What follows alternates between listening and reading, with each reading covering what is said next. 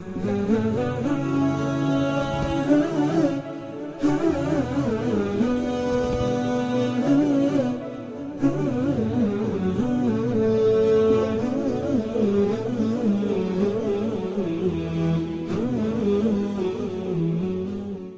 الله الرحمن الرحيم الحمد لله رب العالمين صلى الله وسلم وبارك على سيدنا ونبينا محمد وعلى آله وصحبه أجمعين. اللهم علمنا ما ينفعنا وانفعنا بما علمتنا. وارزقنا فهم كتابك والعمل به على الوجه الذي يرضيك عنا يا رب العالمين. حياكم الله والاخوه والأخوات في هذا اللقاء التاسع والعشرين بعد المئة من لقاءات التعليق على تفسير الإمام ناصر الدين عبد الله بن عمر البيضاوي الشافعي رحمه الله تعالى. واليوم هو الأحد السادس من شهر محرم من عام أربعين وأربعمائة وألف للهجرة.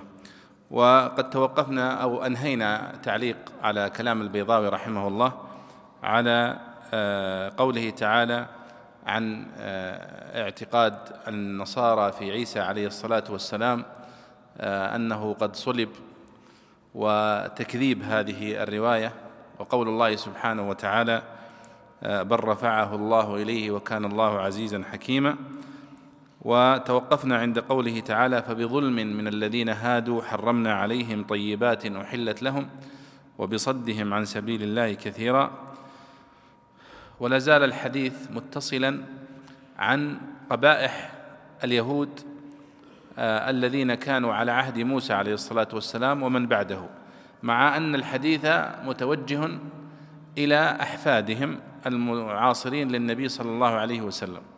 إلا أن هؤلاء الأحفاد عندما كانوا على دين آبائهم وأجدادهم فكأنهم قد وقعوا في نفس الفعل أو خاطبهم الله سبحانه وتعالى بما وقع فيه أجدادهم لموافقتهم لهم في العقيدة. فلعلنا نبدأ من آه، قوله تعالى فبظلم من الذين هادوا. وهي الآية آه، رقم 160 من سورة النساء. تفضل يا أحمد. بسم الله والحمد لله والصلاة والسلام على رسول الله صلى الله عليه وسلم. اللهم اغفر لنا ولشيخنا وللمسلمين وللحاضرين والمتابعين. اللهم آمين. قال الإمام البيضاوي رحمه الله فبظلم من الذين هادوا أي فبأي ظلم منهم؟ حرمنا عليهم طيبات أحلت لهم يعني ما ذكره في قوله وعلى الذين هادوا حرمنا. وبصدهم عن سبيل الله كثيرا ناسا كثيرا أو صدا كثيرا. وأخذهم الربا وقد نهوا عنه كان الربا محرما عليهم كما هو محرم علينا وفيه دليل على دلالة النهي على التحريم. وأكلهم أموال الناس بالباطل بالرشوة وسائر الوجوه المحرمة وأعتدنا للكافرين منهم عذابا اليما دون من تاب وآمن. لكن الراسخون في العلم منهم كعبد الله بن سلام وأصحابه والمؤمنون أي منهم أو من المهاجرين والأنصار يؤمنون بما أنزل إليك وما أنزل من قبلك خبر المبتدأ والمقيمين الصلاة نصب على المدح إن جعل يؤمنون الخبر لأولئك أو عطف على ما أنزل إليك والمراد بهم الأنبياء عليهم الصلاة والسلام أي يؤمنون بالكتب والأنبياء وقرئ بالرفع عطفا على الراسخون أو على الضمير في يؤمنون أو على أنه مبتدأ والخبر أولئك سنؤتيهم. والمؤتون الزكاة رفعه لأحد الأوجه المذكورة. والمؤمنون بالله واليوم الآخر قدم عليه الإيمان بالأنبياء والكتب وما يصدقه من اتباع الشرائع لأنه المقصود بالآية. أولئك سنؤتيهم اجرا عظيما على جمعهم بين الإيمان الصحيح والعمل الصالح. وقرأ حمزة سيؤتيهم بالياء. نعم. آه امتدادا كما قلنا لذكر آه صفات اليهود أو آه المعاصي الكبائر التي ارتكبوها يعددها الله سبحانه وتعالى للنبي صلى الله عليه وسلم ردا على آه، هؤلاء الأحبار الذين كانوا يقولون للنبي صلى الله عليه وسلم آه، يطعنون في نبوته ولا ويردونها ويقولون أنك لو لو كان جئت بكتاب آه، مثل التوراة ينزل عليك جملة واحدة يكتبه الله بيده كما في التوراة. فالله سبحانه وتعالى أراد أن يسرد عليهم هذه القبائح والمعاصي التي وقع فيها أجدادهم وهم يتفقون معهم فيها. فقال فبظلم من الذين هادوا. حرمنا عليهم طيبات أحلت لهم وبصدهم عن سبيل الله كثيرا ويستمر وأخذهم الربا وقد نهوا عنه. قوله فبظلم من الذين هادوا هنا يقول البيضاوي أي, في أي فبأي ظلم منهم. وكأن البيضاوي يريد أن يقول لنا أن النكرة التي في قوله فبظلم هذه نكرة. تدل على العموم. يعني يريد البيضاوي أن يقول أن قوله فبظلم أي أنه بظلم كثير وعام وشامل كانوا يقع فيه اليهود عاقبهم الله سبحانه وتعالى على هذا الظلم لأنفسهم والظلم لغيرهم بكذا وكذا وكذا. فإذا هنا النكرة المقصود بها العموم. وهذا معنى قول البيضاوي هنا أي في فبأي ظلم منه. قال حرمنا عليهم طيبات أحلت لهم. ولاحظوا هنا أنه لم يحدد هذه الطيبات التي حرمت عليه. لكنه في موضع آخر في سورة الأنعام ذكر ما حرمه عليهم. في قوله سبحانه وتعالى وعلى الذين هادوا حرمنا كل ذي ظفر ومن البقر والغنم حرمنا عليهم شحومهما إلا ما حملت ظهورهما أو الحوايا أو ما اختلط بعظم ذلك جزيناهم ببغيهم وإنا لصادقون الآيات. وهذا يا شباب هو من ما يسميه العلماء تفسير القرآن بالقرآن. فالبيضاوي هنا أحال على آية قرآنية أخرى فيها تفصيل لما في هذا الإجمال الموجود في, في الآية هنا. فقوله هنا حرمنا عليهم طيبات هذا فيه إجمال. ما هي هذه الطيبات؟ تفصيلها في قوله تعالى وعلى الذين هادوا حرمنا كل ذي ظفر ومن البقر والغنم حرمنا عليهم شحومهما إلى آخره. وهذا أيضا يسميه العلماء يسمونه الإحالة في القرآن يحيل بعضه على بعض يحيل بعضه على بعض. آه، قال وبصدهم عن سبيل الله كثيرا. قال قال البيضاوي هنا ناسا كثيرا أو صدا كثيرا. يعني هنا فيها إعرابان. إما أن يكون وبصدهم عن سبيل الله كثيرا. معناها وبصدهم عن سبيل الله أناسا كثيرين. يعني يكون كثيرا هنا صفة للمفعول به وبصدهم أناسا كثيرين. أو أن يكون المقصود وبصدهم عن سبيل الله صدا كثيرا فهم يصدون هنا وهنا وهنا. فتكون كثيرا صفة للصد وليست صفة للذين تم صدهم عن السبيل. وهذا كله واقع من اليهود فهم قد صدوا أناسا كثيرين وصدوا صدودا كثيرا. قال وأخذهم الربا وقد نهوا عنه. أيضا هذا من الكبائر التي ارتكبها اليهود أنهم كانوا يستحلون أكل الربا مع أن الله سبحانه وتعالى قد حرمه عليهم في التوراة. فقال هنا وأخذهم الربا وقد نهوا عنه أي تعاملهم بالربا. كان الربا محرما عليهم كما هو محرم علينا ولكنهم استحلوه. والذي يقرأ في التوراة وفي تفاصيل صنيع اليهود كانوا يستحلون الربا مع غيره مع غير اليهود. فيجيزون لليهود أن يرابي وأن يأكل أموال غير اليهود. أما فيما بينهم فيحرمونه على أنفسهم. كما هو محرم عليهم في التوراة. البيضاوي هنا استنبط فائدة أصولية وهذه فائدة لطيفة جميلة. رأيت البعض يحيلها إلى الشربيني في تفسيره مع أنه متأخر الشربيني لكن البيضاوي قد سبق إليها وهي أن النهي يقتضي التحريم. هذه قاعدة أصولية مسألة أصولية. العلماء يقولون أن الأمر المجرد عن القرائن يقتضي الوجوب صح؟ وإذا كان هناك قرينة ربما تحيله من الوجوب إلى الندب. النهي قالوا النهي المجرد عن القرائن يقتضي التحريم. وإذا دخلت قرينة ربما تصرفه عن التحريم إلى الكراهة. البيضاوي هنا استنبط من قوله تعالى وأخذهم الربا وقد نهوا عنه. أن النهي يقتضي التحريم لأنه لو كان النهي لا يقتضي التحريم لما ذمهم بأنهم قد ارتكبوا ما نهوا عنه.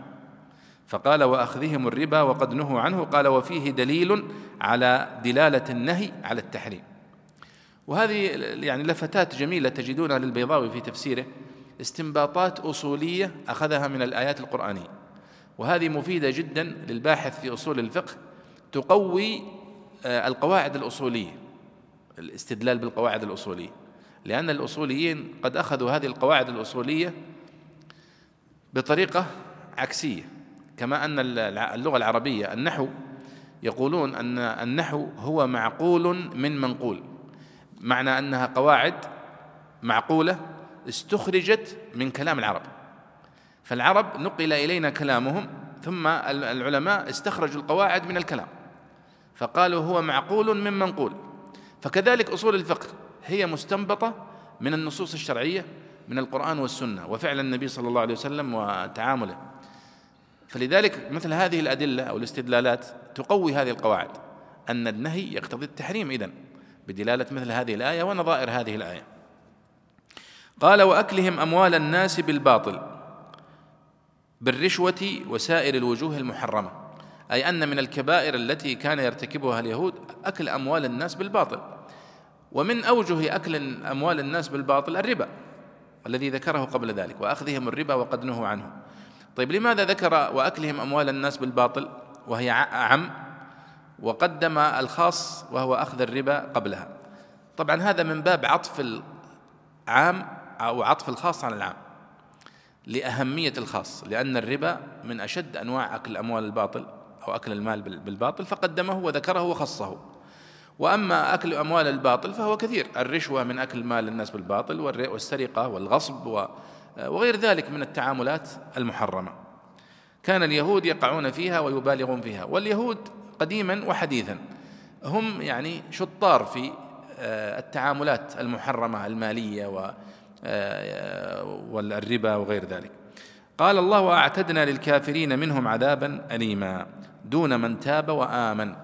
فهذا أيضا فيه آه، إشارة إلى عدله سبحانه وتعالى وأنه إنما توعد من أصر على كفره من اليهود.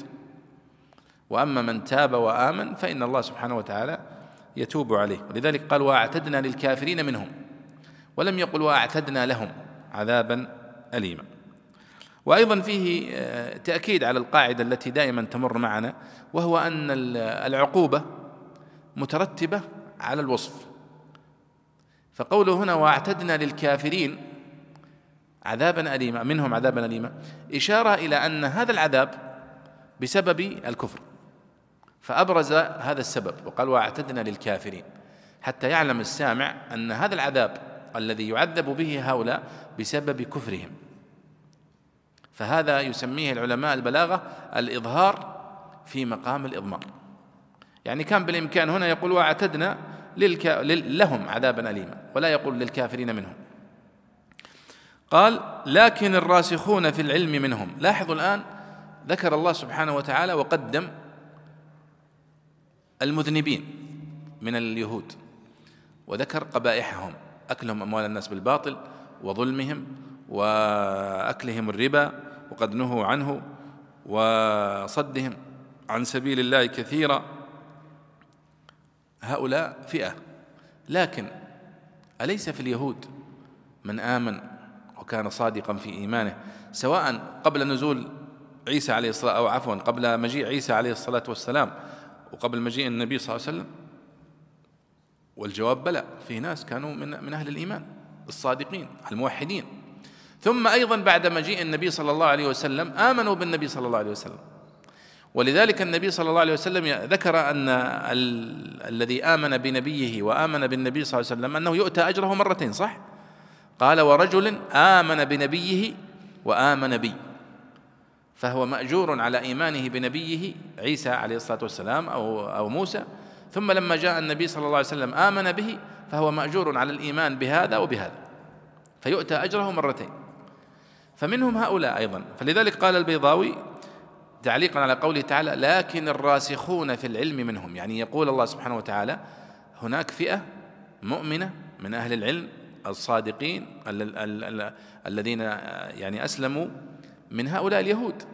وهذا من تمام عدله سبحانه وتعالى. يعني حتى حتى اليهود وهم يعني أعدى الناس للنبي صلى الله عليه وسلم كما ذكر في سورة المائدة لتجدن أشد الناس عداوة للذين آمنوا اليهود والذين أشركوا.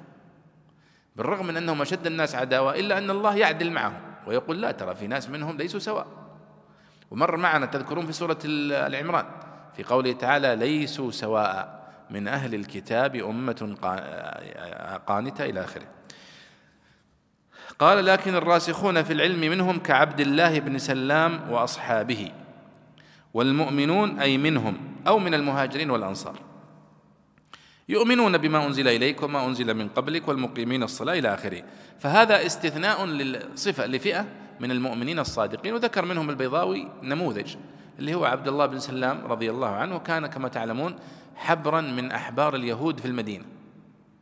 كان عالم كبير من كبار علماء اليهود. ووالده أيضا سلام ابن الحقيق أيضا كان من كبار علماء اليهود. ولذلك لما جاء النبي صلى الله عليه وسلم إلى المدينة مهاجرا واستقبله الأنصار جاء عبد الله بن سلام ومعه مجموعة من اليهود ونظروا إلى النبي صلى الله عليه وسلم من بعيد. فلما يقول عبد الله بن سلام عن نفسه قال فلما رأيت وجه النبي صلى الله عليه وسلم أيقنت أو قلت إن هذا الوجه ليس بوجه كذاب. يعني لما رأى النبي صلى الله عليه وسلم.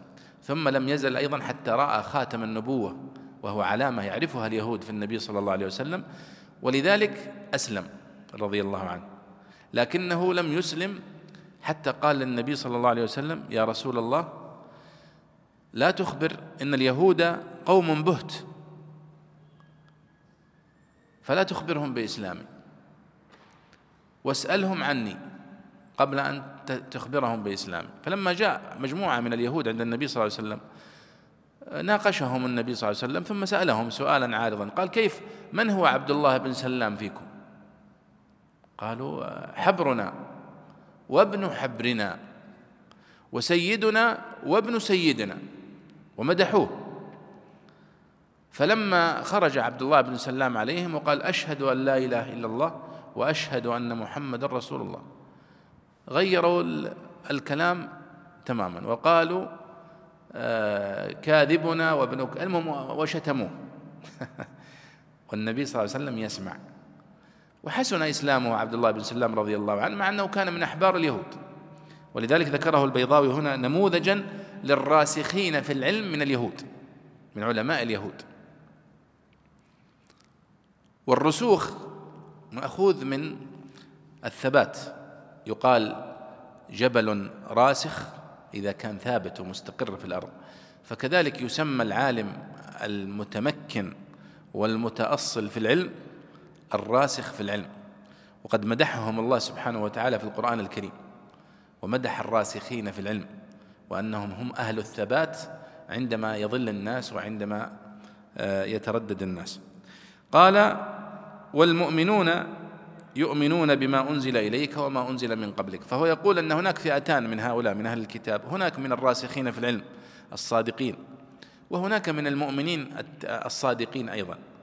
هؤلاء يؤمنون بالله ويؤمنون بأنبيائهم ويؤمنون بك يا محمد وبما أنزل إليك. فيقول يؤمنون بما أنزل إليك. ما هو الذي أنزل على النبي صلى الله عليه وسلم؟ القرآن الكريم والوحي والسنة. فهم يؤمنون به. قال وما أنزل من قبلك. وما أنزل من قبلك من الكتب السماوية. فهم يؤمنون بالتوراة والإنجيل ويؤمنون أيضا بهؤلاء الأنبياء الذين نزلت عليهم هذه الكتب. ولذلك لاحظوا في التعبير يؤمنون بما أنزل إليك وما أنزل من قبلك. الماء هنا هو اسم موصول يستخدم لغير العاقل وهو أعم من من؟ وكلاهما من ألفاظ العموم طبعا. قال والمقيمين الصلاة والمؤتون الزكاة والمؤمنون بالله واليوم الآخر. أي من هؤلاء الراسخين في العلم ومن المؤمنين من هذه صفتهم؟ أنهم يؤمنون بالله واليوم الآخر يؤمنون بما أنزل إليك وما أنزل من قبلك ويقيمون الصلاة ويؤتون الزكاة ويؤمنون بالله واليوم الآخر. فهذا من تمام عدل الله سبحانه وتعالى مع هذه الفئة المؤمنة من اليهود. السؤال هنا دائما لماذا تأتي والمقيمين الصلاة منصوبة؟ مع أن التي قبلها وما بعدها مرفوع فيقول يؤمنون بما أنزل إليك وما أنزل من قبلك ثم يقول والمقيمين الصلاة. ثم يقول والمؤتون الزكاة. ولم يقل والمؤتين الزكاة. ولم يقل بعدها والمؤمنين بالله واليوم الآخر. هذا الأسلوب موجود يا شباب في هذه الآية وفي قوله سبحانه وتعالى والصابئين في سورة المائدة. وغيرها وهو ما يسميه العلماء النصب على المدح. فهنا خص المقيمين للصلاة فنصب هذه الصفة قالوا إشارة إلى أهمية إقامة الصلاة. هم يتصفون بأنهم مؤمنون ويؤتون الزكاة ويؤمنون بالله واليوم الآخر ويقيمون الصلاة. لكن لأن الصلاة لها مكانة عظيمة فنصبها إشارة إلى مدح هذه الفئة أو هذه الصفة فيهم. هذا أوجه الأوجه الإعرابية فيها. البيضاوي هنا يقول والمقيمين الصلاة نصب على المدح إن جعل يؤمنون الخبر لأولئك وهذا الوجه الأول. قال أو عطف على ما أنزل إليك والمراد بهم الأنبياء يعني يؤمنون بما أنزل إليك ويؤمنون بما أنزل من قبلك وبالمقيمين الصلاة. من هم المقيمين الصلاة؟ أي بالأنبياء السابقين وأتباعهم. هذا توجيه ال ال ال ال الوجه الثاني في الإعراب. ونحن تعودنا أن البيضاوي رحمه الله يرتب الأوجه الإعرابية حسب قوتها عنده فيقدم الأقوى ثم الذي يليه. قال وقرئ بالرفع عطفا على الراسخون. يعني يؤمنون بما أنزل إليك وما أنزل من قبلك والمقيمون الصلاة. يعني لكن الراسخون في العلم والم والمقيمون الصلاة. فيهم كذا وكذا وكذا. فجعل لاحظوا جعل إقامة الصلاة زي الرسوخ في العلم والتمسك بالصلاة وال وال وال والاستمرار عليها كالرسوخ في العلم في الثبات على الحق وفي تثبيت المؤمنين آه، الملتزمين بالصلاة. قال والمؤتون الزكاة والمؤمنون بالله واليوم الآخر قدم عليه الإيمان بالأنبياء والكتب وما يصدقه من اتباع الشرائع لأنه المقصود بالآية. قال أولئك سنؤتيهم أجرا عظيما على جمعهم بين الإيمان الصحيح والعمل الصالح. وقرأ حمزة سيؤتيهم بالياء. حمزة الزيات الكوفي قرأ أولئك سيؤتيهم يعني الله سبحانه وتعالى. وبقية القراء أولئك سنؤتيهم بنون العظمة التي تدل على المتكلم سبحانه وتعالى. طيب ثم ينتقل الحديث الآن إلى الحديث عن الأنبياء عليهم الصلاة والسلام بعد ما تحدث الله سبحانه وتعالى للنبي صلى الله عليه وسلم عن صفات اليهود أو كثير من الكبائر التي ارتكبوها في حق أنبيائهم وفي حق آه، الرسل عليهم الصلاة والسلام. طيب إنا أوحينا إليك تفضل يا أحمد. قال رحمه الله إنا أوحينا إليك كما أوحينا إلى نوح والنبيين من بعده. جواب لأهل الكتاب عن اقتراحهم أن ينزل عليه عليهم أن ينزل عليهم كتابا من السماء. واحتجاج عليهم بأن أمره في الوحي كسائر الأنبياء عليهم الصلاة والسلام. وأوحينا إلى إبراهيم وإسماعيل وإسحاق ويعقوب والأسباط وعيسى وأيوب ويونس وهارون وسليمان خصهم بالذكر مع اشتمال النبيين عليهم تعظيما لهم. فإن إبراهيم أول أولي العزم من منهم. وعيسى آخرهم والباقين أشرف الأنبياء ومشاهيرهم. وآتينا داود زبورا وقرأ حمزة زبورا بالضم وهو جمع زبر بمعنى مزبور. ورسلا نصب بمضمر دل عليه أوحينا إليك كأرسلنا. أو فسره أو فسره قد قصصناهم عليك من قبل أي من قبل هذه السورة أو اليوم. ورسلا لم نقصصهم عليك وكلم الله موسى تكليما وهو منتهى مراتب الوحي خص به موسى من بينهم وقد فصل وقد فضل الله محمدا صلى الله عليه وسلم بأن أعطاه مثل ما أعطى كل واحد منهم. نعم.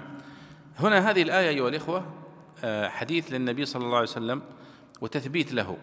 هو في المدينة كما قلنا وسورة النساء سورة مدنية وهي مليئة كما تلاحظون بالدفاع عن حقوق الضعفاء وأولهم النساء واليتامى. الآن النبي صلى الله عليه وسلم في جداله وحواره مع اليهود ومع علماء اليهود ذكر الله له كما تلاحظتم يعني قبائح اليهود التاريخية وذكرت لكم أن القرآن الكريم هو أفضل وأجود وأقوى مصدر يروي ويحكي لنا تاريخ بني إسرائيل. آه، بشهادة الخبراء في التاريخ وأيضا لقوله سبحانه وتعالى إن هذا القرآن يقص على بني إسرائيل أكثر الذي هم فيه يختلفون. يعني هذه قضية آه، صلب عيسى عليه الصلاة والسلام هذه قضية جدلية ويعني فيها جدل كبير عند النصارى إلى اليوم وهم كما أخبرتكم يعني يتخذون الصليب شعارا للنصرانية اليوم مع أن المفترض أن يكون العكس. لكن هذا من الاختلاف يعني من انتكاسة العقول عند النصارى أنهم يتخذون الصليب الذي يزعمون أن عيسى صلب عليه ظلما يتخذونه شعارا لدينهم والمفترض أنهم يحاربون الصليب لأنه شعار على قتل نبيهم فيما يزعمون يعني. فالله سبحانه وتعالى يقول للنبي صلى الله عليه وسلم هذه هذا تاريخ اليهود ثم يقول للنبي صلى الله عليه وسلم تثبيتا له وردا على هؤلاء الأحبار من اليهود الذين يقولون للنبي صلى الله عليه وسلم لو جئتنا بكتاب كما جاءنا موسى آه، جملة واحدة أو مكتوب بيد الله سبحانه وتعالى كما كتب التوراة فقال الله إنا أوحينا إليك كما أوحينا إلى نوح والنبيين من بعده. وهذا فيه تأكيد للنبي صلى الله عليه وسلم أنه مثلك يا محمد مثل الأنبياء السابقين. الرسل الذين سبقوك كان يوحى إليهم بنفس الطريقة كانوا يرسلون بنفس الطريقة يؤيدون بنفس الطريقة من الملائكة فلست بدعا. ولذلك في سورة الأحقاف يقول قل ما كنت بدعا من الرسل. يعني أنا ما بأول رسول إلا أنني آخر رسول. ولذلك لاحظوا أنه قال يؤمنون بما أنزل إليك وما أنزل من قبلك. وهذه الآية فيها إشارة إلى أن النبي صلى الله عليه وسلم هو خاتم الأنبياء. لأنه لم يقل وما أنزل من بعدك. ما عاد في بعد النبي صلى الله عليه وسلم وحي. وإنما قال وما أنزل من قبلك. وأنت آخر واحد. قال إنا أوحينا إليك كما أوحينا إلى نوح والنبيين من بعده. قال البيضاوي جواب لأهل الكتاب عن اقتراحهم أن ينزل عليهم كتابا من السماء. واحتجاج عليهم بأن أمره في الوحي كسائر الأنبياء عليهم الصلاة والسلام. وهم يعرفون ذلك. هم أهل الكتاب والذين يجادلون النبي صلى الله عليه وسلم هم من علماء اليهود فيعرفون ما نزل على نوح وعلى إبراهيم وعلى موسى وعلى الأنبياء السابقين. قال وأوحينا إلى إبراهيم وإسماعيل وإسحاق ويعقوب والأسباط وعيسى وأيوب ويونس وهارون وسليمان. وهذه الآية من الآيات التي جمع الله فيها عددا كبيرا من الأنبياء. قال خصهم الله بالذكر مع اشتمال النبيين عليهم تعظيما لهم. فإن إبراهيم أول أولي العزم منهم وعيسى آخرهم والباقين أشرف الأنبياء ومشاهيرهم. القرآن الكريم ذكر الله فيه خمسة وعشرين نبي بالاسم. منهم من فصل فيه تفصيلا كبيرا مثل نوح وإبراهيم وموسى. موسى عليه الصلاة والسلام وهو رسول إلى بني إسرائيل فقط ذكره الله في القرآن الكريم ما يقارب 174 مرة. ولذلك هو أكثر الأنبياء ذكرا في القرآن الكريم موسى وعيسى كذلك وإبراهيم ونوح وهود وصالح ويوسف ويعقوب وإسحاق وإسماعيل. خمسة وعشرين يتفاوتون طبعا في الشهرة لكن أشهر الأنبياء هم الذين ذكرهم الله هؤلاء مثل إبراهيم. ثم لذلك أولي العزم من الرسل هم الخمسة الكبار. نوح عليه الصلاة والسلام وهو أول الأنبياء ثم إبراهيم ثم آه، موسى ثم عيسى ثم محمد صلى الله عليه وسلم.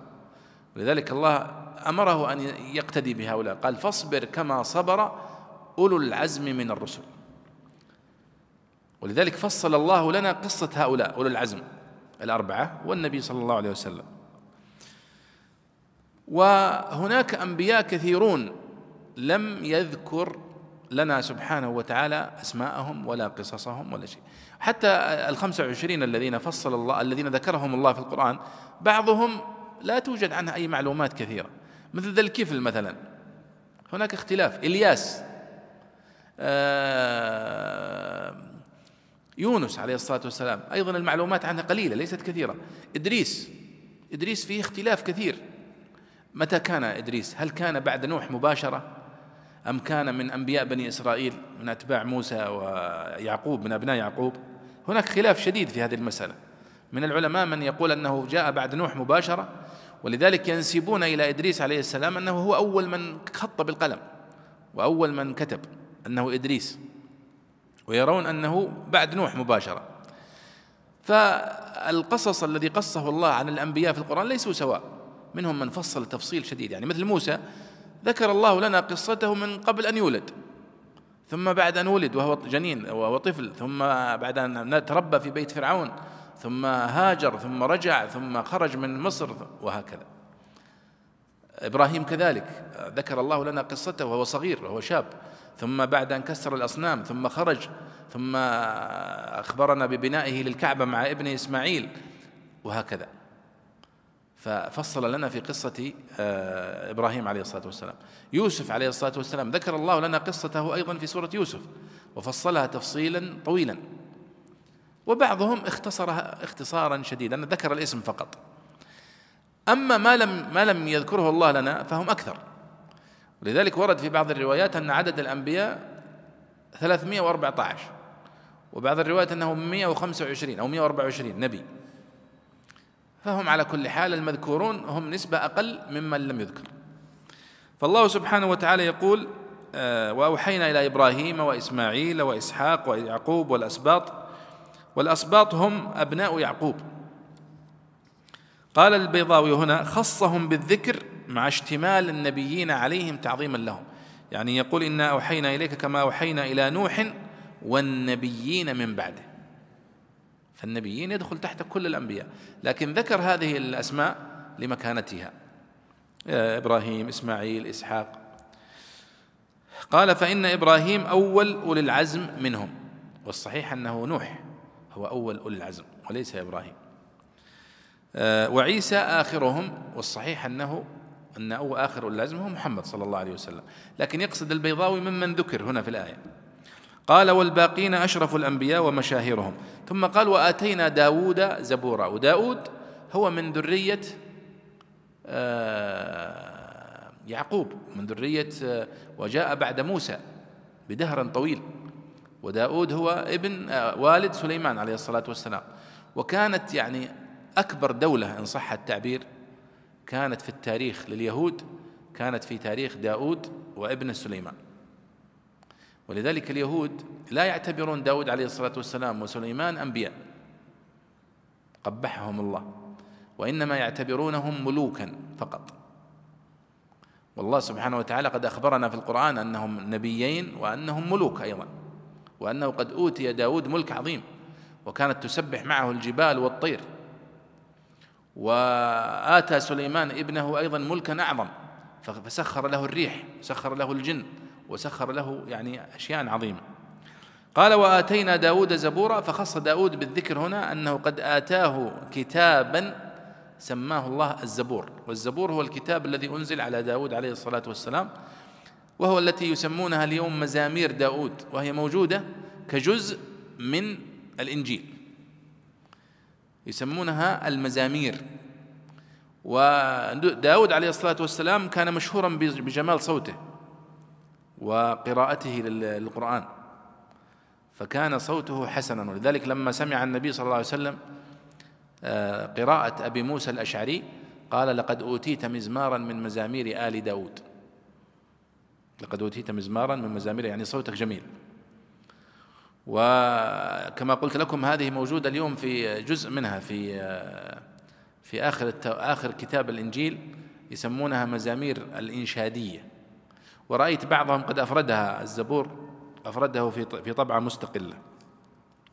قال البيضاوي وقرأ حمزة زبورا بالضم. يعني وآتينا داود زبورا. والزبور بالفتح والضم بمعنى الكتاب المكتوب المزبور. لأن زبر بمعنى كتب. كما قال وإنه آه، ولدينا في الزبر. الزبر يعني أي شيء مكتوب يقال مزبور يعني مكتوب. ورسلا قد قصصناهم عليك ورسلا لم نقصصهم عليك وكلم الله موسى تكليما. يعني هؤلاء الذين ذكرتهم لك يا محمد ورسلا لم أذكرهم لك. ورسلا قد قصصناهم عليك وهم هؤلاء. ورسلا لم نقصصهم عليك وهم أكثر. وكلم الله موسى تكليما. هذا فيه تخصيص لموسى عليه الصلاة والسلام بهذه الخصيصة. وهو أنه قد كلمه الله بالوحي مباشرة دون واسطة. وهذا معنى وكلم الله موسى تكليما. وجاء التأكيد كما تلاحظون بالمصدر صح؟ وكلم الله موسى تكليما. وهذا ينفي ما يقوله آه الذين ينفون هذه الصفة. مثل الأشاعرة وغيرهم ينفون صفة الكلام لله سبحانه وتعالى. ويقولون إن الله لا يتكلم. وأهل السنة والجماعة يقولون إن الله يتكلم بصوت وحرف. بدليل هذه الآية. أن الله سبحانه وتعالى يقول وكلم الله موسى تكليما فأكده بالمصدر.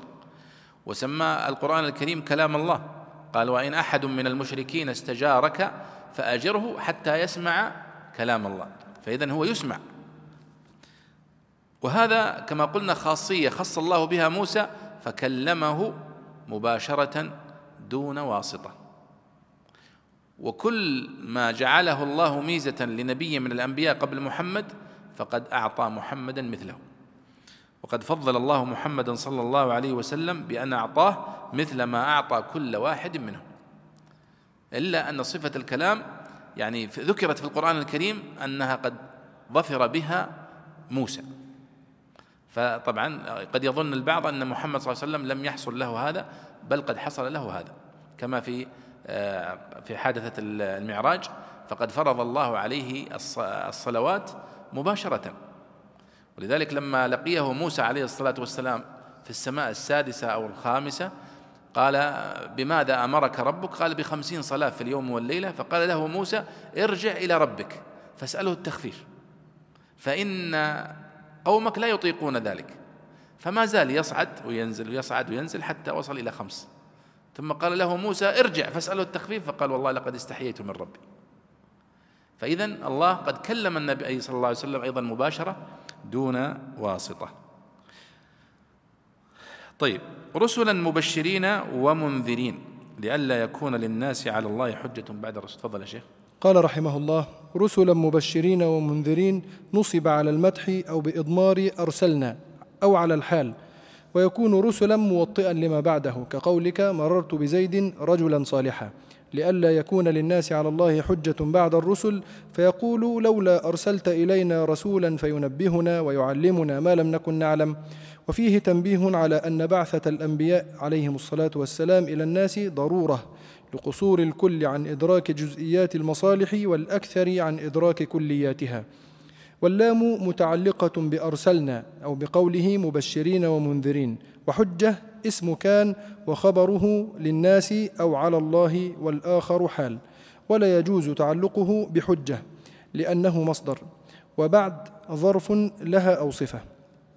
وكان الله عزيزا لا يغلب فيما يريد حكيما فيما دبر من أمر النبوة وخص كل نبي بنوع من الوحي والإعجاز. نعم.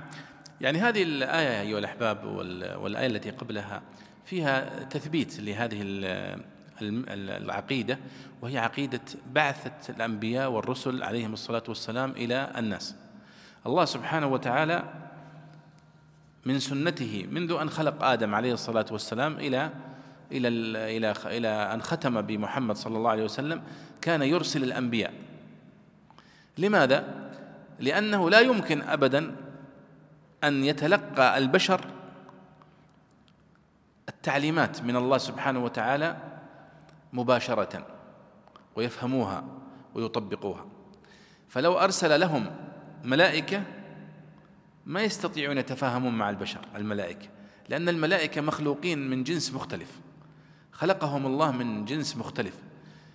فلو خلق لو أرسل الله ملائكة كما قال المشركون قال ولو جعلناه ملكا لجعلناه رجلا ما يمكن يبقى بصيغته الملائكية ويتفهم معنا.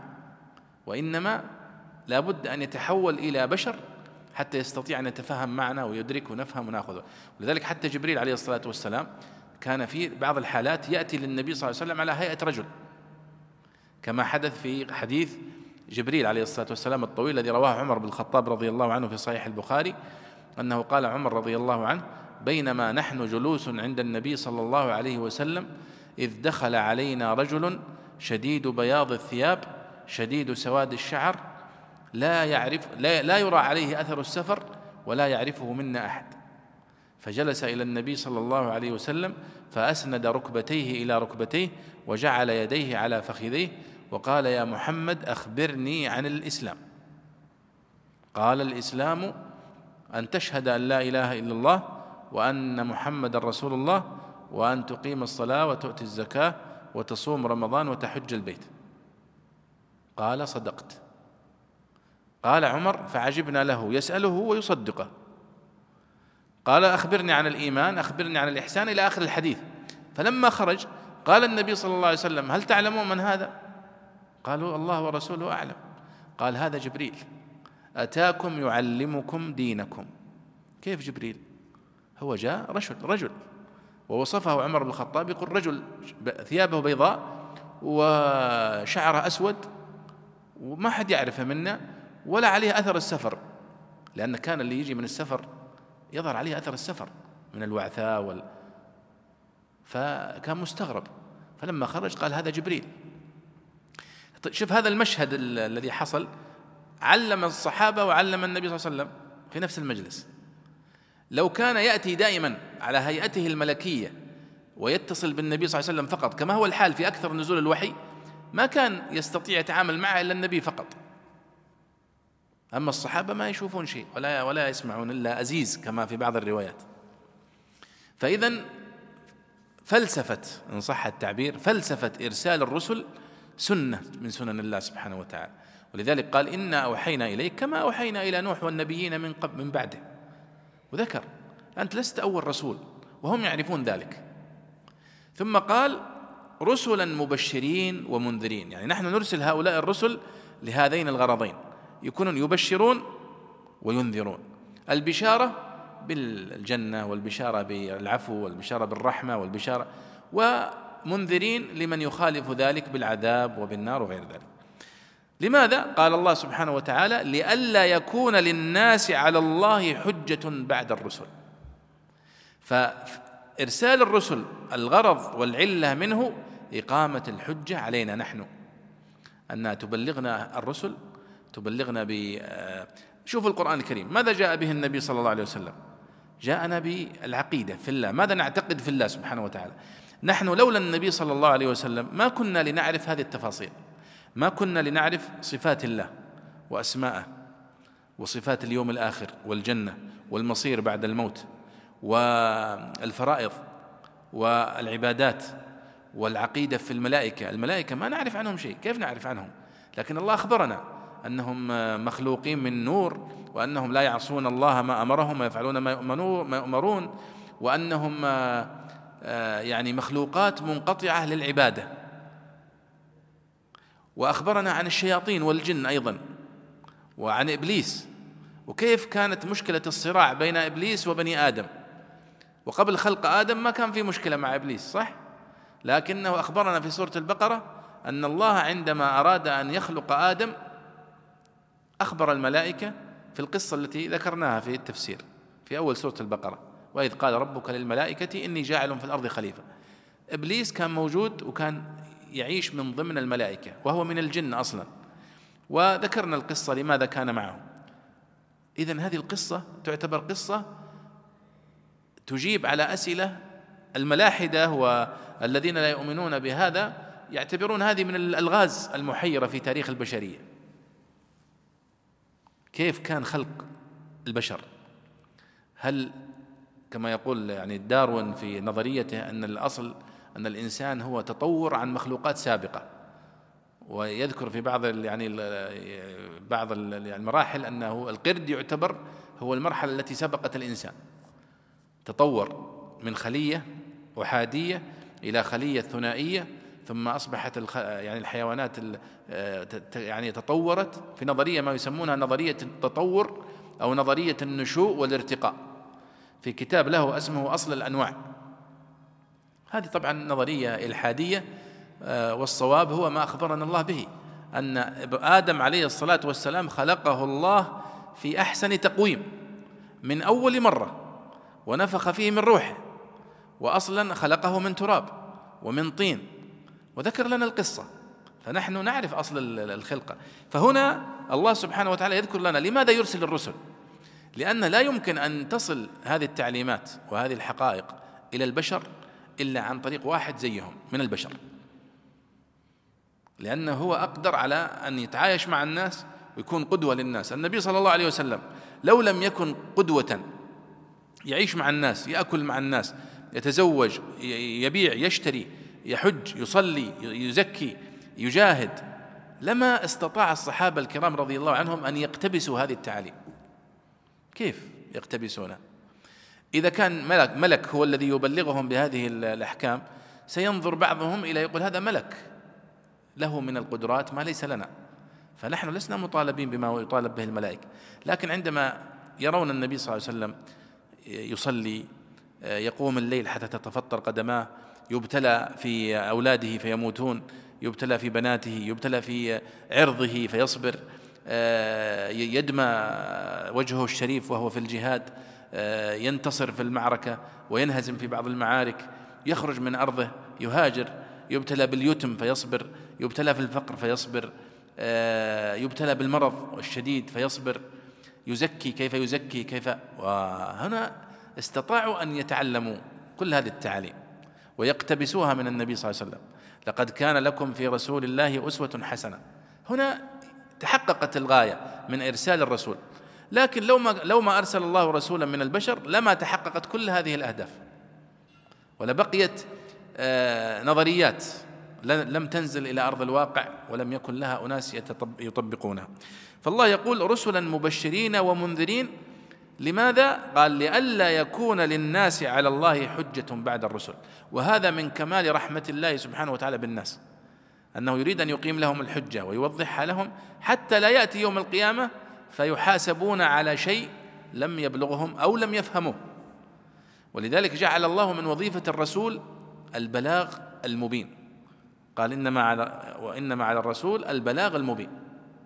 فالرسول ينبغي أن يبلغ ما جاء عن عن الله بلاغا مبينا يعني واضح يوضح للناس حتى لا يقع في لبس. ولذلك النبي صلى الله عليه وسلم بذل جهد كبير خلال 23 سنة. فلما جاء في حجة الوداع آخر عمره عليه الصلاة والسلام فقال إنكم مسؤولون عني فماذا أنتم قائل فماذا أنتم قائلون؟ هل بلغتكم كما أمرت؟ فيقولون نشهد يا رسول الله أنك قد أديت الأمانة وبلغت الرسالة. فيقول عليه الصلاة والسلام اللهم فاشهد اللهم فاشهد اللهم فاشهد. وكرر هذا الكلام في أكثر من موضع في حجة الوداع عليه الصلاة والسلام. إشارة إلى كان يريد أن يتأكد هل أنتم فهمتم ما جئت به؟ هل في أي لبس؟ هل أحد عنده أسئلة؟ وهكذا.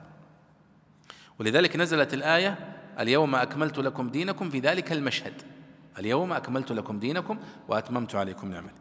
قال وكان الله عزيزا حكيما. لاحظوا هنا كيف ختم الله هذه الآية بهاتين الصفتين.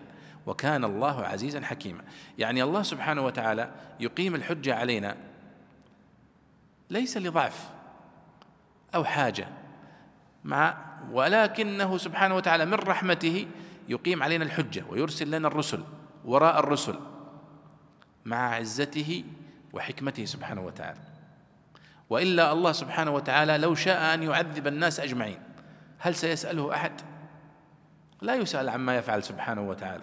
لكنه من كمال رحمته. وهذا يا أيها الأحباب يعني يبين للمسلم ويعلل له فكرة إرسال الرسل ولماذا أرسل الرسل وكيف أرسلوا. وهذه مسألة أيها الأحباب في غاية الأهمية. واليوم كثر يعني الدعوة إلى الإلحاد والطعن في النبوة. والطعن في الأنبياء عليهم الصلاة والسلام والطعن في القرآن وهذه مسألة في غاية الخطورة تشكيك الناس في دينهم وفي مسلمات دينهم وفي النبوة وفي القرآن وفي جمع القرآن حتى يعني يزلزل عقائد الناس وإيمان الناس. مثل هذه الآية تجيب على مثل هذه الشبهات. قال الله سبحانه وتعالى هنا وكان الله عزيزا قال البيضاوي لا يغلب فيما يريد وكم مرة ذكرت لكم أن العزة مأخوذة من قول العرب أرض عزاز إذا كانت أرض صلبة. يقولون هذه أرض عزاز إذا كانت صلبة. فالعزة فيها صلابة وفيها منعة وفيها قوة. فالله عزيز سبحانه وتعالى لا يغلب ولا يقهر سبحانه وتعالى. حكيم فيما يفعل عليه سبحانه وتعالى. فهو كل أفعاله منوطة بالحكمة وليست عبثا. فتدبيره سبحانه وتعالى في أمر النبوة وإرسال الأنبياء وتخصيصه لكل نبي بخصائص معينة ومزايا معينة هذا من تمام حكمته سبحانه وتعالى اي ولكن الله يشهد قال رحمه الله لكن الله يشهد استدراك عن مفهوم ما قبله فكأنه لما نعتوا لما. تعنتوا لما تعنتوا عليه بسؤال كتاب ينزل عليهم من السماء واحتج عليهم بقوله إنا أوحينا إليك قال إنهم لا يشهدون لكن الله ولكن الله يشهد. أو أنهم أنكروه ولكن الله يثبته ويقرره. بما أنزل إليك من القرآن المعجز الدال على نبوتك عليه الصلاة والسلام.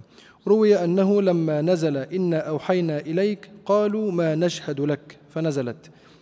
أنزله بعلمه أنزله متلبسا بعلمه الخاص بعلمه الخاص به وهو العلم بتأليفه على نظم يعجز عنه كل كل بليغ. أو بحال من يستعد أو بحال من يستعد للنبوة ويستأهل نزول الكتاب عليه أو بعلمه الذي يحتاج إليه الناس في معاشهم ومعادهم. فالجار والمجرور على الأولين حال من الفاعل وعلى الثالث حال من المفعول والجملة كالتفسير لما قبلها. والملائكة يشهدون أيضا بنبوتك. وفيه تنبيه على أنهم يودون أن يعلموا صحة دعوى النبوة على وجه يستغني عن النظر والتأمل. وهذا النوع من خواص الملك ولا سبيل للإنسان إلى العلم بأمثال ذلك بأم- بأمثال ذلك سوى الفكر والنظر. فلو أتى هؤلاء بالنظر الصحيح لعرفوا نبوتك وشهدوا بها كما عرفت كما عرفت الملائكة وشهدوا. وكفى بالله شهيدا أي وكفى بما أقام من الحجج على صحة نبوتك عن الاستشهاد عن الاستشهاد بغيره. عليه الصلاة نعم. والسلام. يعني هذه الآية أيضا تثبيت للنبي صلى الله عليه وسلم. يعني يقول الله للنبي صلى الله عليه وسلم نحن قد أرسلناك كما أرسلنا الأنبياء السابقين من قبلك ولكن لا تتوقع أن كل من سوف تدعوه سوف يستجيب لك. هناك من سوف ينكر نبوتك. ومنهم هؤلاء الأحبار من اليهود الذين يصرون على الكفر فهم مع أنهم يعلمون ها قصة هؤلاء الأنبياء السابقين وأنك مثل هؤلاء الأنبياء السابقين ولديهم معلومات في التوراة عن صفاتك صفات النبي صلى الله عليه وسلم إلا أنهم لن يؤمنوا بك. فالله سبحانه وتعالى يثبت النبي صلى الله عليه وسلم ويقول له إن لم يؤمن بك هؤلاء يا محمد فلا يكن في صدرك حرج. الله يشهد نفسه أنك صادق وأنك رسول. فيقول لكن الله يشهد بما أنزل إليك. طبعا هذه شهادة عظيمة للنبي صلى الله عليه وسلم بصدقه ونبوته. كما في أول سورة ال عمران تذكرون أن الله يقول شهد الله أنه لا إله إلا هو والملائكة وأولو العلم قائما بالقسط. فشهد الله لنفسه بالتوحيد وشهد معه الأنبياء وأولو العلم. شهد الله أنه لا إله إلا هو والملائكة أيضا. هنا الله يشهد للنبي صلى الله عليه وسلم بأنه صادق في نبوته وصادق في رسالته. فيقول الله لكن الله يشهد بما أنزل إليك يعني بالقرآن والوحي. يعني يقول البيضاوي هنا أن هذه الآية استدراك عن مفهوم ما قبله. فكأنه لما تعنتوا عليه هؤلاء اليهود بسؤال كتاب ينزل عليهم من السماء.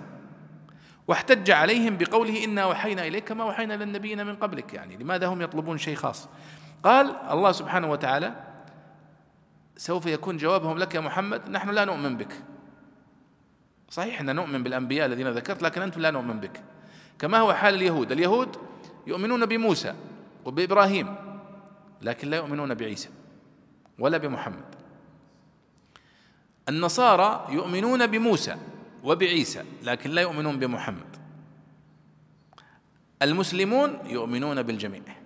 ولذلك كانت قصة وقعت في مجلس أحد حكام مصر المتأخرين أظنه الخديوي إسماعيل الذي نسبت إليه الإسماعيلية في مصر. يقولون كان في مجلس وكان موجود محمد عبده الشيخ المصري المعروف ومعه أحد أحبار اليهود ومعه أحد قساوسة النصارى. فقال يعني الخديوي إسماعيل يعني ما هو الأولى يعني من هو أولى الناس بالحق من هذه الديانات الثلاث؟ مسألة علمية يتناقشون فيها في المجلس. فقال محمد عبده نحن يا جلالة الملك. نحن المسلمين. لأن اليهود آمنوا بموسى وكفروا بعيسى ومحمد. عليهم الصلاة والسلام. والنصارى آمنوا بمحمد بموسى وعيسى وكفروا بمحمد. أما نحن فقد آمنا بمحمد وبعيسى وبموسى.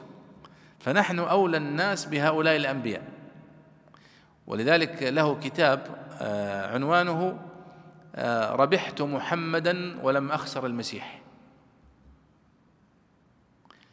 فالله سبحانه وتعالى هنا يقول لكن الله يشهد بما أنزل إليك. وهذه أعظم شهادة للنبي صلى الله عليه وسلم أن يشهد الله بصدقه عليه الصلاة والسلام. قال الله أنزله بعلمه. يعني الله سبحانه وتعالى أنزل القرآن الذي أنزله عليك يا محمد بعلمه سبحانه وتعالى ذلك البيضاوي يقول هنا أنزله بعلمه. وش معناها؟ قال معناها أنزله متلبسا بعلمه الخاص به. وهو العلم بتأليفه على نظم يعجز عنه كل بليغ. أو بحال من يستعد للنبوة ويستاهل نزول الكتاب عليه. أو بعلمه الذي يحتاج إليه الناس في معاشهم ومعادهم. يعني هذه ثلاث احتمالات. وش معنى أنزله بعلمه؟ إما أن يكون معناها أنزله الله بعلمه. الإلهي وضمن القرآن الكريم الكثير مما لا يعلمه إلا الله وهذا صحيح.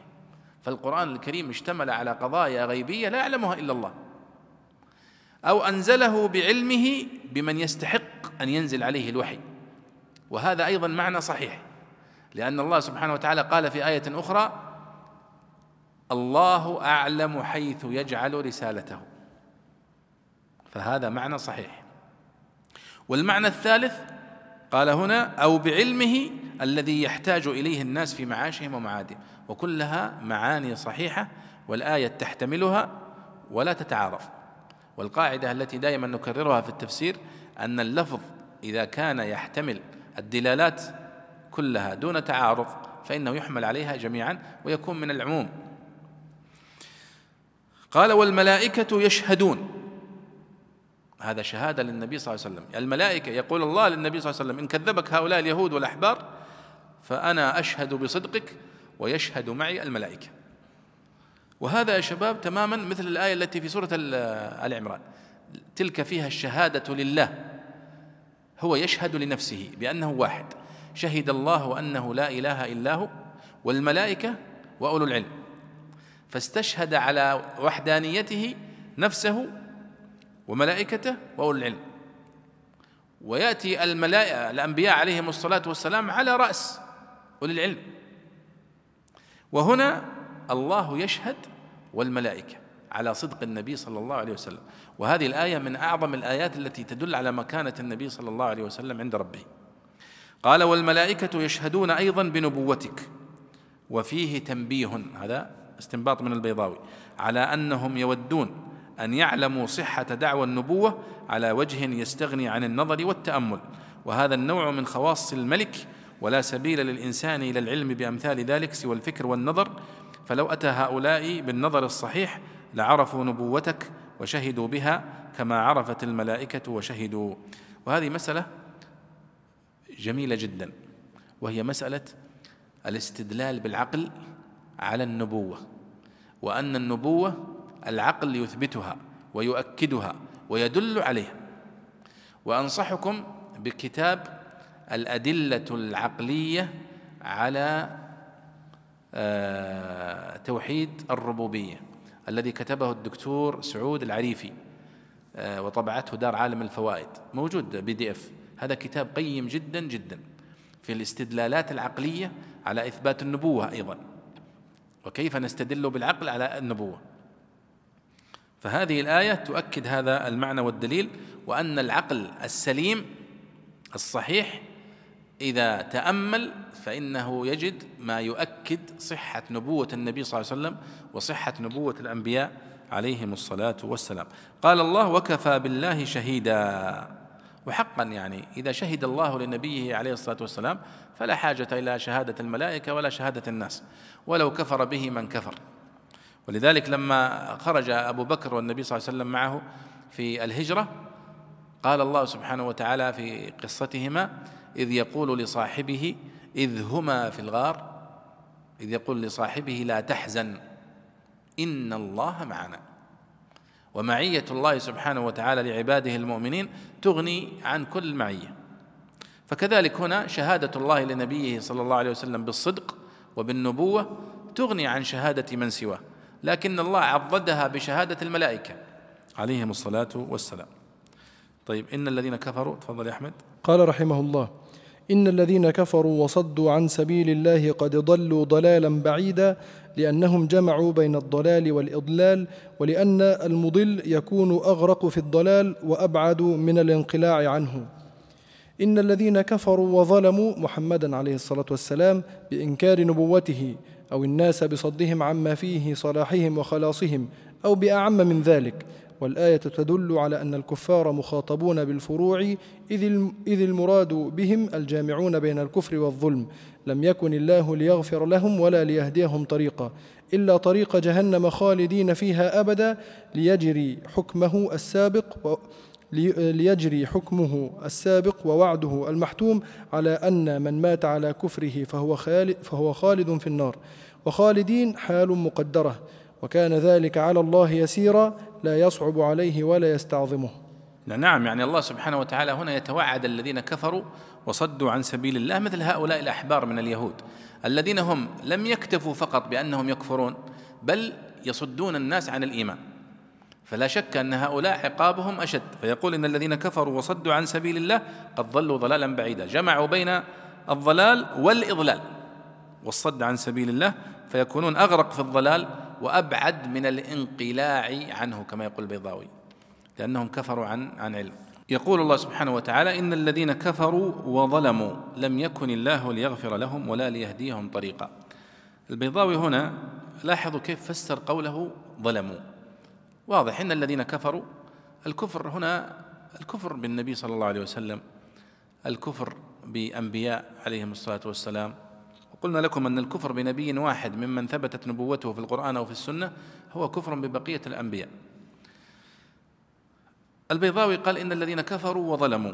قال محمدا عليه الصلاة والسلام بإنكار نبوته يعني ظلموا محمدا عليه الصلاة والسلام بإنكارهم لنبوته. أو الناس بصدهم عما فيه صلاحهم وخلاصهم أو بأعم من ذلك. يعني هو الآن فسر كلمة ظلموا. إن الذين كفروا وظلموا. لم يكن الله ليغفر لهم ولا ليهديهم طريقا. فالآية تفهم على العموم. إن الذين كفروا وظلموا. وظلموا هذه عامة. يدخل فيها ظلمهم لأنفسهم ظلمهم لغيرهم. البيضاوي ذكر هنا قال ظلموا مقصود بها ظلموا محمد صلى الله عليه وسلم بإنكارهم لنبوته. فخص بها نوع خاص من الظلم وهو ظلم النبي صلى الله عليه وسلم بإنكار نبوته مع قيام الأدلة على صدقه عليه الصلاة والسلام. الثاني قال أو الناس يعني ظلموا الناس بصدهم عما فيه صلاحهم وخلاصهم. وهذا ينطبق على هؤلاء الأحبار من اليهود والعلماء الذين كانوا يصدون عن سبيل الله ويسفهون رأي محمد صلى الله عليه وسلم وأقوال محمد. أو بأعم من ذلك. وهذا هو الصحيح أن الآية هنا عامة. إن الذين كفروا وظلموا. لكن لأن تفسيرات السلف رضي الله عنهم من الصحابة والتابعين بعضهم خص الظلم هنا بإنكار نبوة النبي صلى الله عليه وسلم. وبعضهم خصها بقوله وظلموا الناس بصدهم عن سبيل الله. فلذلك إذا ثبت عن السلف رضي الله عنهم أو توارد عن السلف تخصيص مثل هذا العموم فإنه يكون مرجح في تفسير الآية على تركها عام البيضاوي هنا تنبه لهذه النقطة فذكر هذه الأقوال الخاصة فقال محمد صلى الله عليه وسلم أو الناس أو أعم من ذلك. واضح يا شباب الفكرة هذه؟ هذه منهجية جميلة عند البيضاوي رحمه الله. ثم استنبط البيضاوي منها فائدة أصولية.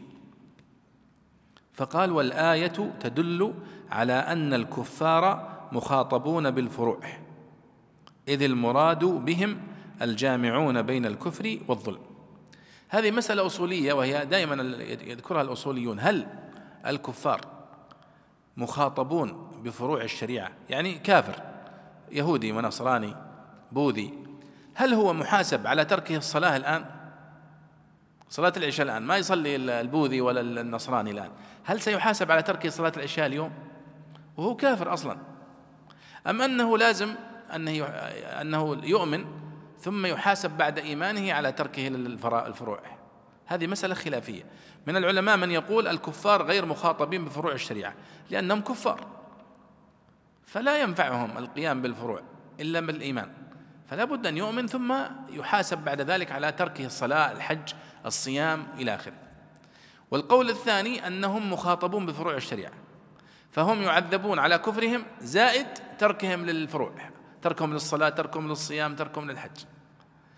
ويستدلون على ذلك الذين يقولون بأنهم مخاطبون بفروع الشريعة مثل البيضاوي. البيضاوي يرى أن الكفار مخاطبون بفروع الشريعة. بدليل ماذا؟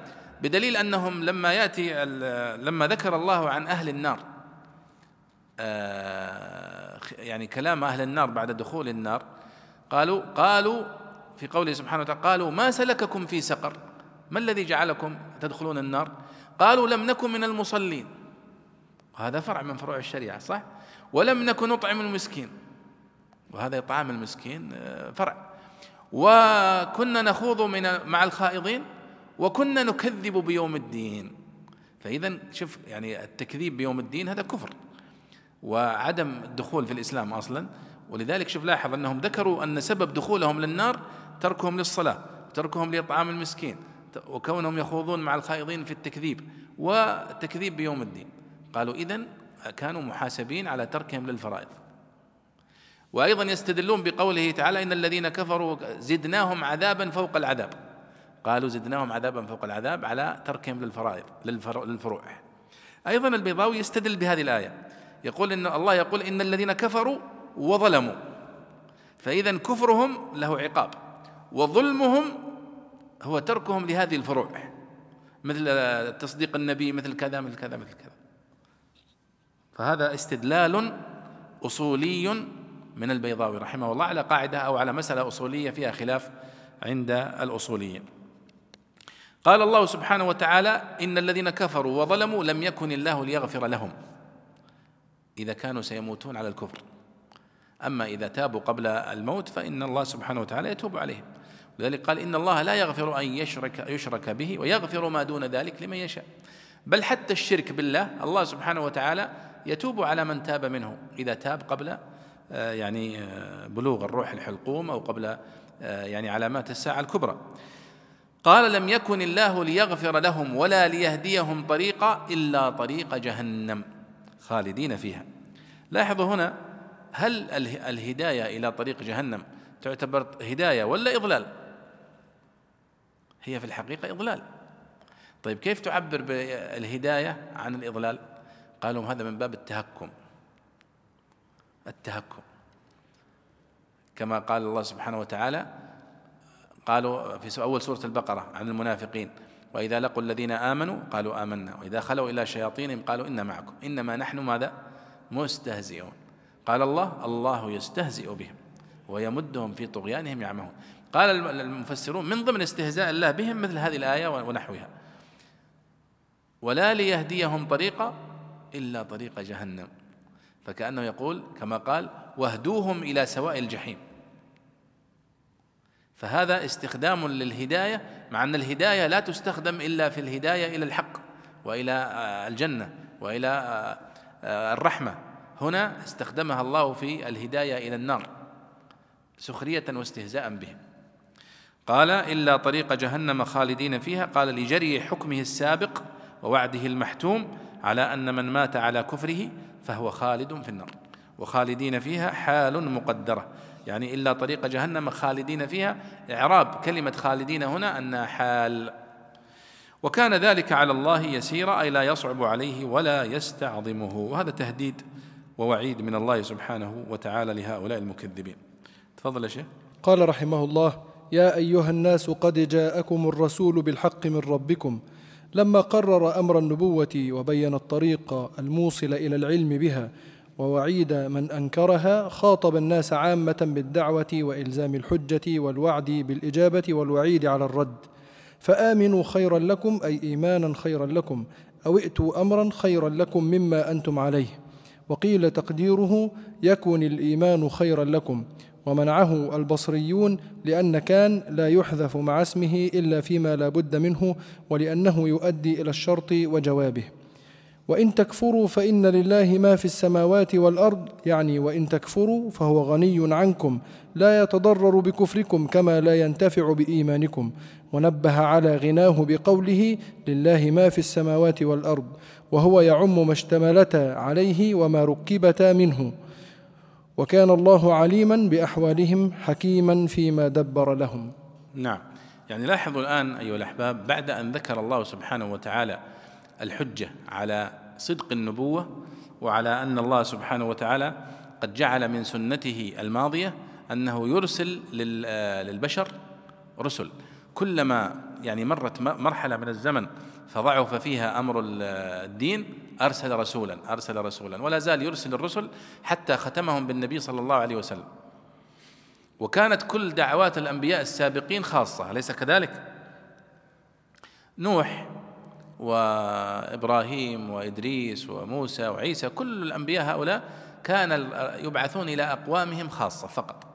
يعني دعوات محلية. موسى لبني إسرائيل عيسى لبني إسرائيل آه، يعقوب والى آخره. ويوسف وداود وسليمان كلهم من أنبياء بني إسرائيل وبنو إسرائيل أكثر من بعثت فيهم الأنبياء. حتى جاء النبي صلى الله عليه وسلم فكانت دعوته عامة للبشر جميعا وللجن والإنس. إنا أرسلناك كافة للناس بشيرا ونذيرا. وهذه من خصائص النبي صلى الله عليه وسلم. التي ذكرها عليه الصلاة والسلام. قال أوتيت خمسا لم يؤتهن أحد من الأنبياء قبلي. كان النبي يبعث إلى قومه خاصة وبعثت إلى الناس كافة. هذه أول وحدة. هنا الله سبحانه وتعالى بعد أن أقام الأدلة على صدق النبي وشهد له سبحانه وتعالى أنه صادق وأشهد معه الملائكة على أن محمد صادق في نبوته وفيما جاء به جاء هنا فدعا دعوة عامة للناس كلهم. تجاوز اليهود الذين يناظرون النبي صلى الله عليه وسلم ويجادلونه ووجه الخطاب إلى الجميع. فلم يقل يا أيها يا أهل الكتاب وإنما قال يا أيها الناس قد جاءكم الرسول بالحق من ربكم. هذا النبي الذي تحاولون التشكيك في نبوته وتكذبونه قد جاءكم بالحق من ربكم. لاحظوا جاءكم بالحق. فليس أمامكم إلا أن تؤمنوا بهذا الحق. وماذا تريدون غير الحق؟ وماذا بعد الحق إلا الضلال؟ ثم إنه جاء به من من من؟ من ربكم. وقد كررنا مرارا وتكرارا في القرآن الكريم أنه إذا جاء الرب كلمة رب دائما مشتملة على الرحمة وعلى اللطف وعلى التربية للناس. فكأن في الخطاب أو في الآية أو في النداء رحمة بالناس. فهذا النداء الذي ينادي الله سبحانه وتعالى به الناس هنا فيه رحمة لهم. يا أيها الناس قد جاءكم الرسول قد جاءكم الرسول بالحق من ربكم. ولاحظوا أنه سماها الرسول بالألف واللام الرسول الذي لا شك في في رسالته الذي لا شك في نبوته. واضح هذا؟ فيقول البيضاوي هنا لما قرر أمر النبوة وبين الطريق الموصل إلى العلم بها ووعيد من أنكرها خاطب الناس عامة بالدعوة وإلزام الحجة والوعد بالإجابة والوعيد على الرد. ما أجمل هذا الختام. يا أيها الناس قد جاءكم الرسول بالحق من ربكم فآمنوا خيرا لكم. أي ايمانا صادقا هو خير لكم. أو ائتوا امرا خيرا لكم مما أنتم عليه. طيب والبديل؟ قال وإن تكفروا فإن لله ما في السماوات والأرض. يعني هو في غنى عنكم وبيده مقاليد السماوات والأرض. ولن تستطيعوا أن تخرجوا من ملكه ولن تفلتوا من عقابه. كما قال في الآيات الأخرى إن ربك لبالمرصاد صح؟ وإن تكفروا فإن لله ما في السماوات وما في الأرض. يعني وإن تكفروا فهو غني عنكم لا يتضرر بكفركم. كما لا ينتفع بإيمانكم. وهذا أيضا يصدقه ما في الحديث القدسي. لو أن أولكم وآخركم وإنسكم وجنكم كانوا على أفجر قلب رجل واحد منكم ما, ما نقص ذلك من ملك شيء. الحديث. ونبه سبحانه وتعالى على غناه بقوله لله ما في السماوات وما في الأرض. وهو يعلم سبحانه وتعالى أو يعم ما اشتملت عليه وما ركب فيه. يعني من المخلوقات. وكان الله عليما حكيما. قبل شوية كان يقول وكان الله عزيزا حكيما. قال هنا وكان الله عليما حكيما. يعني عليم بأحوال مخلوقاته. حكيم فيما دبر لهم فيما أرسل لهم فيما أمرهم به فيما نهاهم عنه. وهذا يعني تعليل ليغري بالإجابة. يعني الله يقول آمنوا بما أرسلت لكم. لأني عزيز حكيم. لأني عليم حكيم. فكل ما آمركم به أو ما أنهاكم عنه فهو عن علم وعن حكمة. وهذا حتى يطمئن آه، المؤمن. لعلنا نتوقف عند هذه الآية يا أحمد ونختم إن شاء الله الأسبوع القادم. نحاول إن شاء الله أن نختم تفسير سورة النساء بإذن الله تعالى. ونأخذ يعني بعض الأسئلة التي وردت. هذا سؤال يقول شيخنا الفاضل ما هو سبب اختيارك لتفسير البيضاوي؟ علما أنه يوجد أفضل آه، منه مثل كابن جرير الطبري. طبعا هذا الجواب أو هذا السؤال قد أجبنا عنه في أول درس وهو موجود على اليوتيوب. وقلنا إن تفسير البيضاوي رحمه الله هذا التفسير عنوانه أنوار التنزيل وأسرار التأويل. كتبه الشيخ البيضاوي رحمه الله لخص فيه ثلاثة كتب من كتب التفسير المهمة. كتاب الفخر الرازي التفسير الكبير وكتاب الكشاف للزمخشري وكتاب التفسير للراغب الأصفهاني. وهذه التفاسير الثلاثة من أجمع كتب التفسير. فجاء هو فأخذ أجمل ما فيها واستبعد بعض الملحوظات التي في الزمخشري مثلا كالاعتزاليات اللي في الكشاف والاستطرادات التي في الرازي واللغويات التي في الراغب الأصفهاني وجمعها وكتبها بأسلوب مركز ومختصر.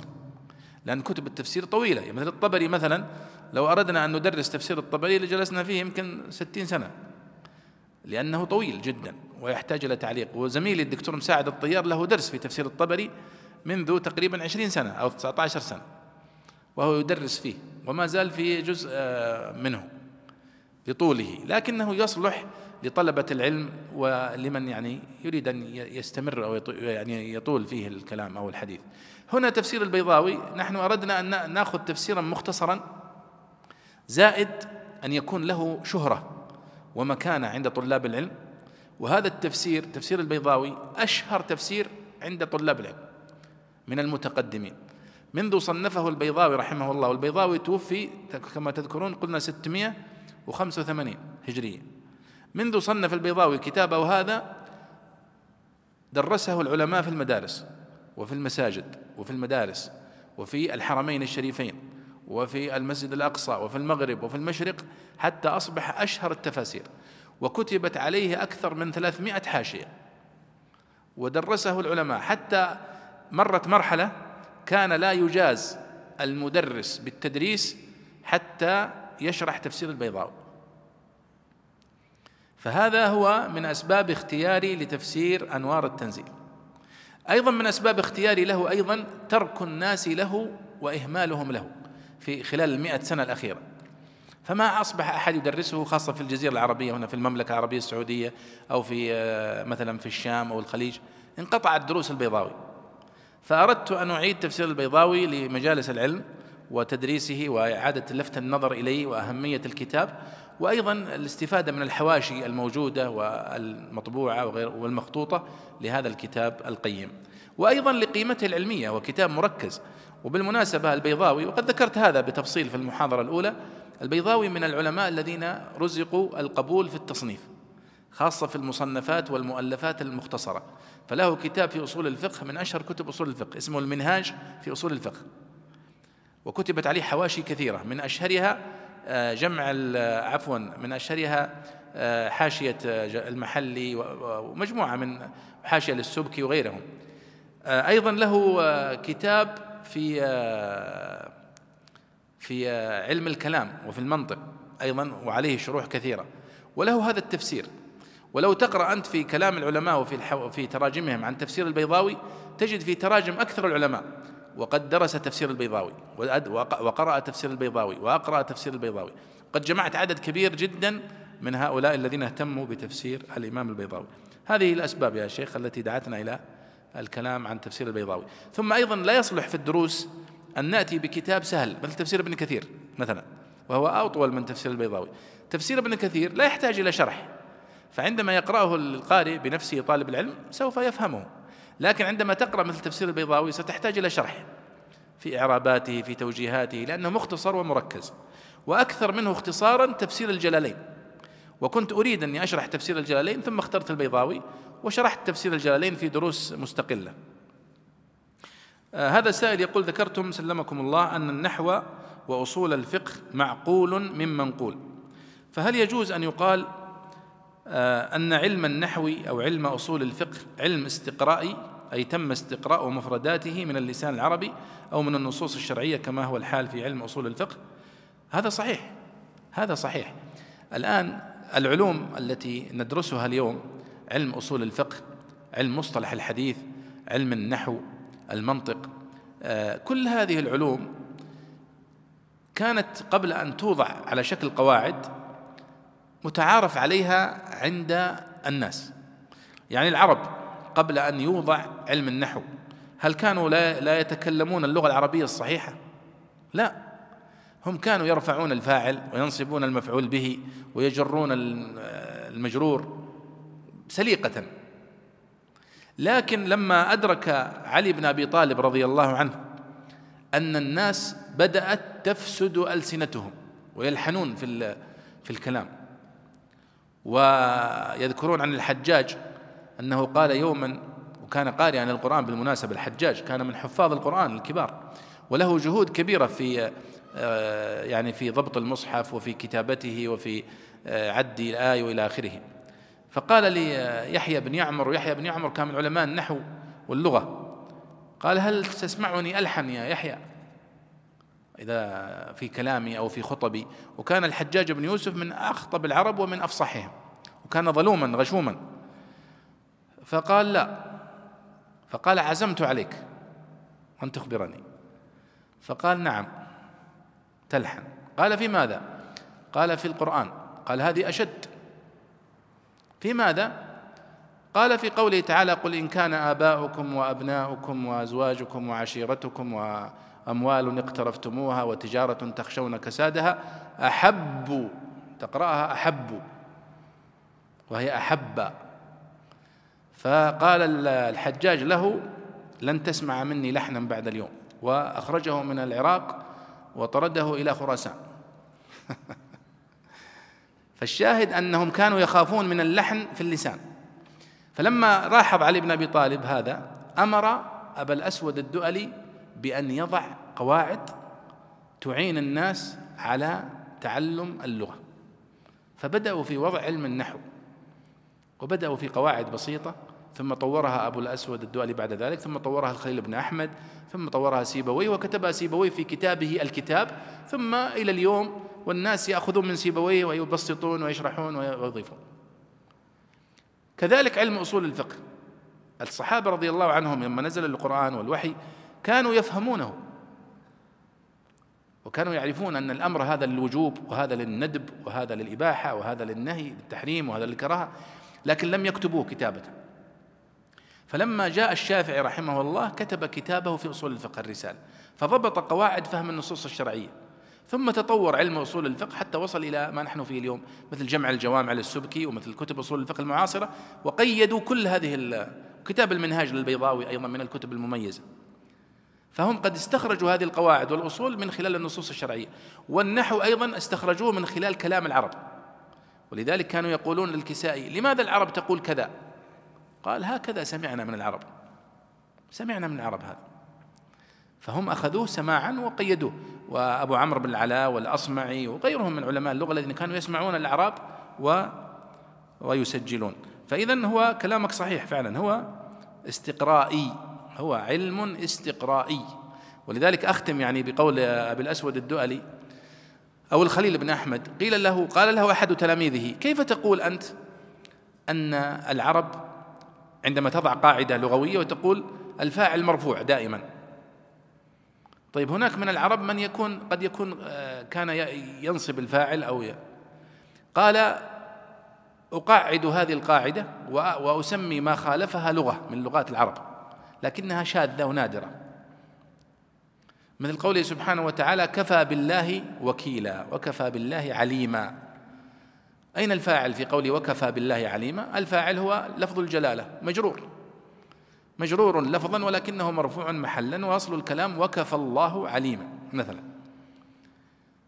فالشاهد أنه كان يضع هذه القواعد فيقول أنا أضع هذه القاعدة وأسمي ما خالفها لغة لا يقاس عليها. هذه طريقتهم في النحو. السؤال الأخير يقول ما السبيل إلى العصمة من الموجة العاتية للكفر والضلال والانحلال على المستوى الشخصي والأسري والعائلي ولاحظوا في القرآن الكريم كثرة الدعوة إلى الاعتصام بالقرآن والسنة. حتى النبي صلى الله عليه وسلم قال الله له فاستمسك بالذي أوحي إليك. استمسك بالذي أوحي إليك. ولذلك لا عصمة من الفتن لا قديما ولا حديثا إلا بالتمسك بالوحي وفهم الوحي على الوجه الصحيح كما فهمه العلماء من الصحابة والتابعين وأتباع التابعين. هذا هو الذي يحفظ الإنسان بإذن الله تعالى من الفتن ونسأل الله سبحانه وتعالى أن يحفظنا جميعا من الفتن ما ظهر منها وما بطن وأن يرزقنا وإياكم فهم كتابه على الوجه الذي يرضيه عنا سبحانه وتعالى. وصلى الله وسلم على سيدنا ونبينا محمد وعلى آله وصحبه أجمعين.